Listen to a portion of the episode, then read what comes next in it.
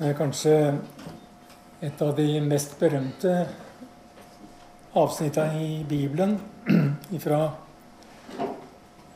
1. Korinterne 13. Jeg leser fra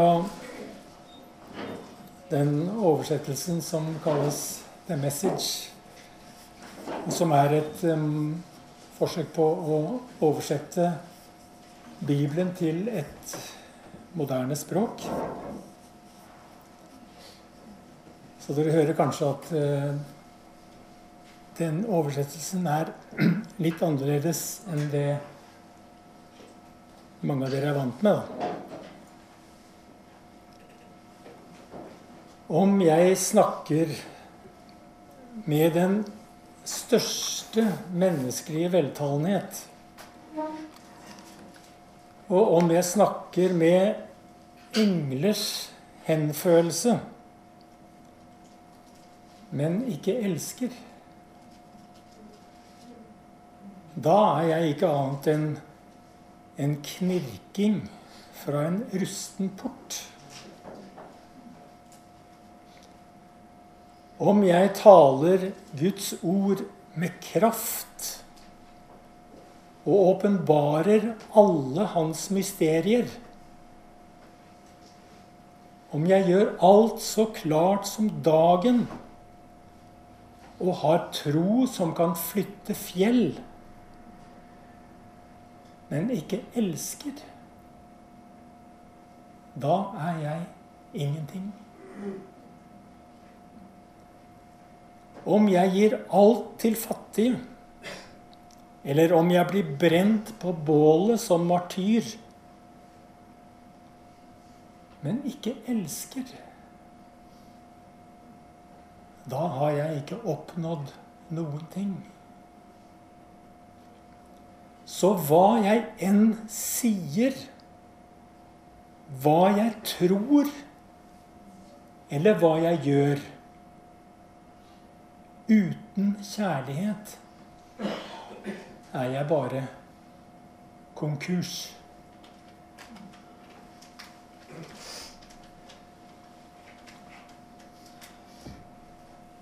Jeg tror det er noe av de mest siterte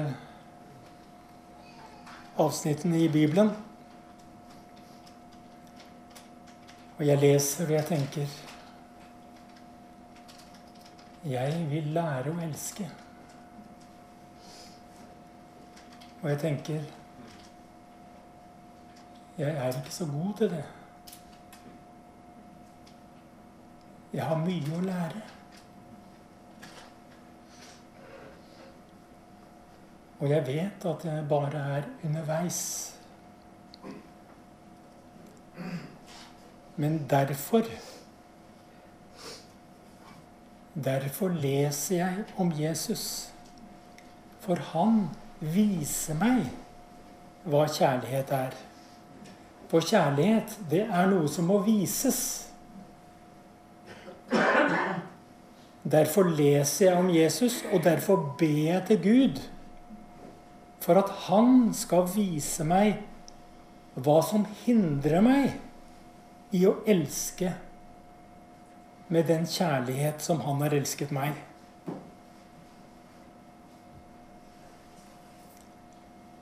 Og av og til, når jeg er oppgitt over meg sjøl, og når jeg ser min egen begrensning så hender det at jeg spør Gud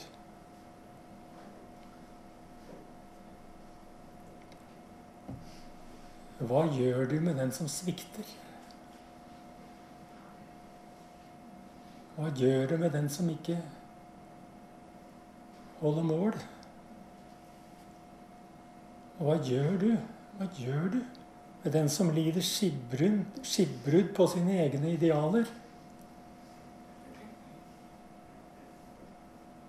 Hva gjør du med den som har blitt betrodd ditt vennskap og din tillit, men som ikke holder mål? Og Jesus svarer. Han svarer. I sitt ord svarer han. Og Jesus svarer til dem som svikter, til den som feiger ut, til den som trekker seg når den blir utsatt for press, sier han. Vet du hva han sier? Fø mine lam. Hva? Vokt mine får. Ja, for det er det han sier til Peter, ikke sant? Etter at Peter hadde svikta kapitalt. Og han viser ham en helt ufattelig tillit. Hvordan kan han gjøre det, Jesus? Jo, det er fordi han stoler på sin egen styrke og kraft, og ikke på Peter.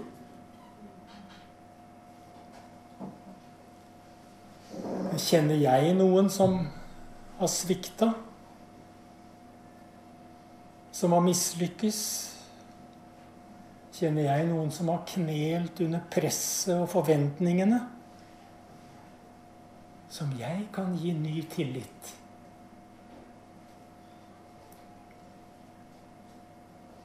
Jeg har mange spørsmål til Gud. Og jeg tror at Gud liker spørsmål, også de nærgående. Og jeg spør, Herre, hva gjør du? Hva gjør du med sønner og døtre som gjør opprør mot foreldrene og reiser langt bort? Kanskje for å ruse seg, drukne seg i en utagerende livsstil. Hva gjør du? Han svarer. Jeg lengter etter henne, sier Jesus. Og jeg venter på henne med uendelig tålmodighet. Og hvis hun, eller når hun kommer til seg selv, sier han. Da løp jeg henne i møte for å omfavne henne og holde armene rundt henne. Og så steller jeg i stand en stor fest for henne. For denne datteren min var død og har blitt levende. Hun var kommet bort og er funnet igjen. Det er ingen fordømmelse. Det er ingen karantene. Det er ingen moralisering.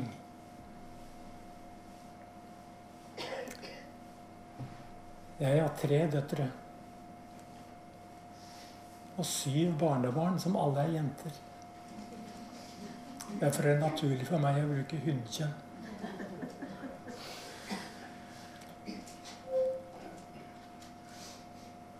Og jeg vet at jeg skylder alle mine jenter å behandle dem sånn som Kristus har behandlet meg.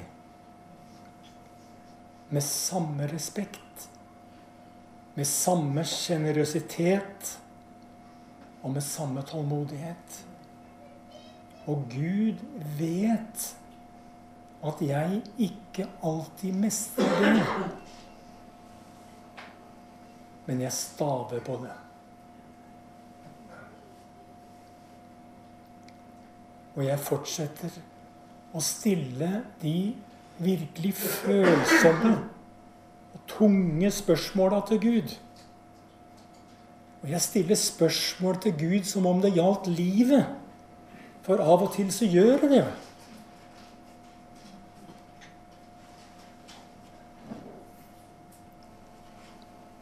Og jeg spør Hva gjør du med den som blir tatt på fersk gjerning i ekteskapsbrudd? Fariseerne her vil steine henne etter en brutal og umenneskelig lov. Men Jesus sier, 'Jeg fordømmer deg ikke'. Den av dere som er uten synd, kan kaste den første stein på henne. Det er lett å fordømme. Det er så lett å leite etter noe du kan kaste. Men bare et kort blikk inn i mitt eget hjerte det blokkerer meg fra å fordømme. Det blokkerer meg fra å forakte eller kaste stein. Men hva gjør du, Herre? Hva gjør du når jeg gjemmer meg i skam? Når du kommer min vei? Når jeg er redd for å bli assosiert med dem som ivrig søker deg? Og jeg vet at jeg i folks øyne ikke er blant dem som passer inn i ditt selskap. Hva gjør du hvis jeg klatrer opp i et tre for å gjemme meg, for å betrakte deg litt sånn diskré på avstand? Hva gjør du? Du oppdager meg jo allikevel. Og du sier, Sakkeus, kom ned, for i dag vil jeg være gjest i ditt hus. Men hva gjør du? Hva gjør du, Gud, når alle mine synder for lengst har overgått sju ganger 70?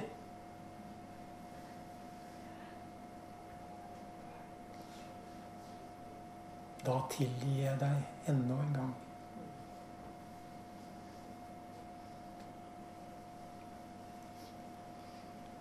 Og det er den, den her Sjenerøsiteten, det er hva det her handler om, ikke sant? Sjenerøsitet. Og det er denne sjenerøsiteten som er Kirkas viktigste bidrag til verden.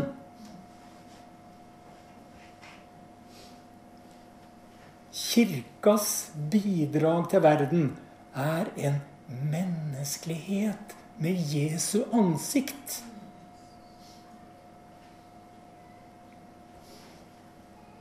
Apostelen Paulus sier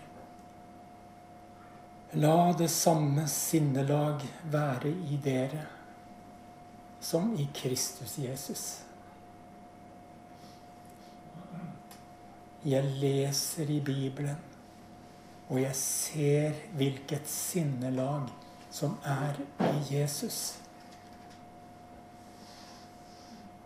Og jeg ber Gud, hjelp meg til å oppdage det som fins i mitt hjerte, som kan hindre meg i å ligne på deg.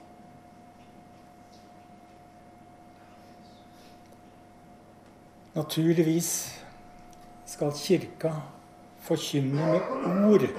Vi skal forkynne evangeliet med ord. Det sier seg sjøl.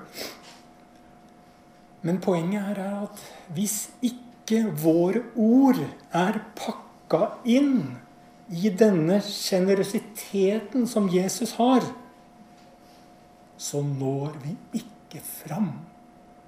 Da når ikke ordene ordentlig inn. Det fins legedom i evangeliet om Jesus. Men å bli helbredet eller å bli lekt,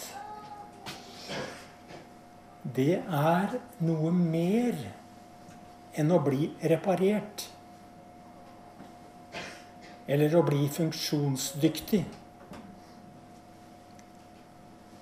Å bli lekt i evangeliets betydning, det er å bli utvidet.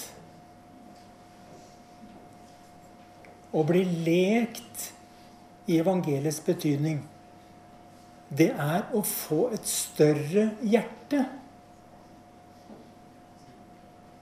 Det er å få et hjerte som rommer mer. Som rommer mer sjenerøsitet. mer hjelpsomhet, mer ydmykhet og mer nåde. Å bli lekt er å bli utvida i hjertet. Og her fant jeg et ord som gir meg håp. Fra Salme 18 og det 35. verset. Jeg sier Gud, eller der sier salmisten, med din høyre hånd støtter du meg. Du bøyer deg ned og gjør meg større.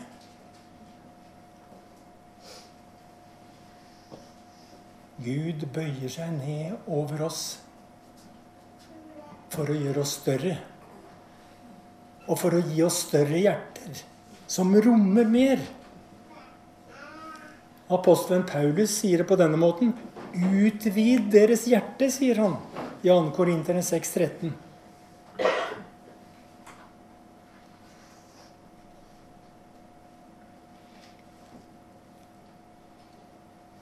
For Guds kjærlighet er utøst i våre hjerter ved Den hellige ånd som Han har gitt oss. Og det er den sjenerøsitet som Jesus har vist oss, hver og en av oss, på, på hver vår måte.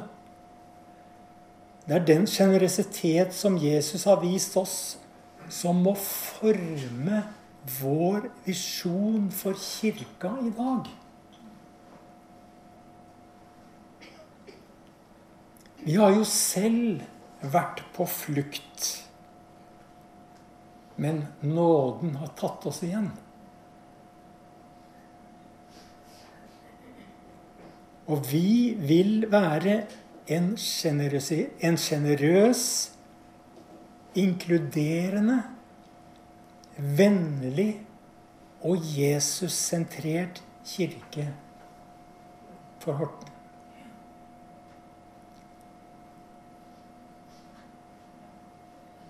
Og vi vil hjelpe hverandre til å se det som han ser. Og vi vil støtte hverandre i å gjøre det han vil gjøre. Og vi vil oppmuntre hverandre til å elske som han elsker. Og ikke minst da bære over med hverandre. Fordi vi ikke alltid får det til.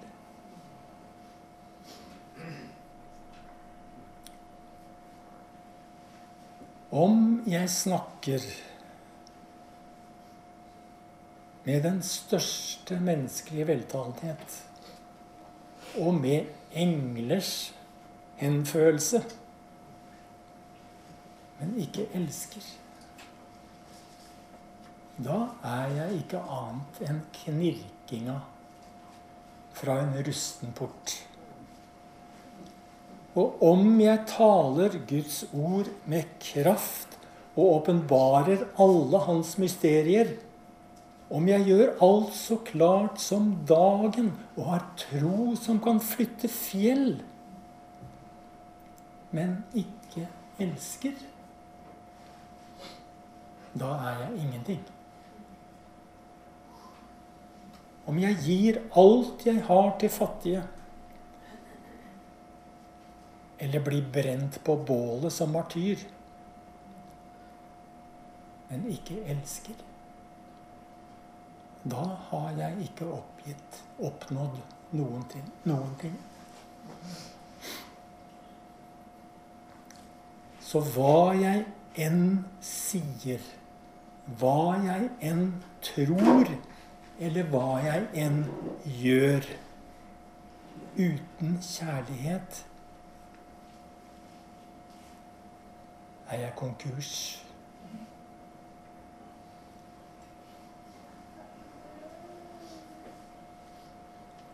Vi vil gjerne lære å elske.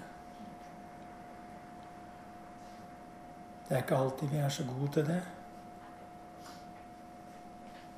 Og vi innser at vi har mye å lære. At vi bare er underveis. Derfor leser vi om Jesus, som viser oss hva kjærlighet er. Og derfor ber vi til ham. For han kan vise oss hva som hindrer oss i å elske med den kjærlighet som han har elsket oss.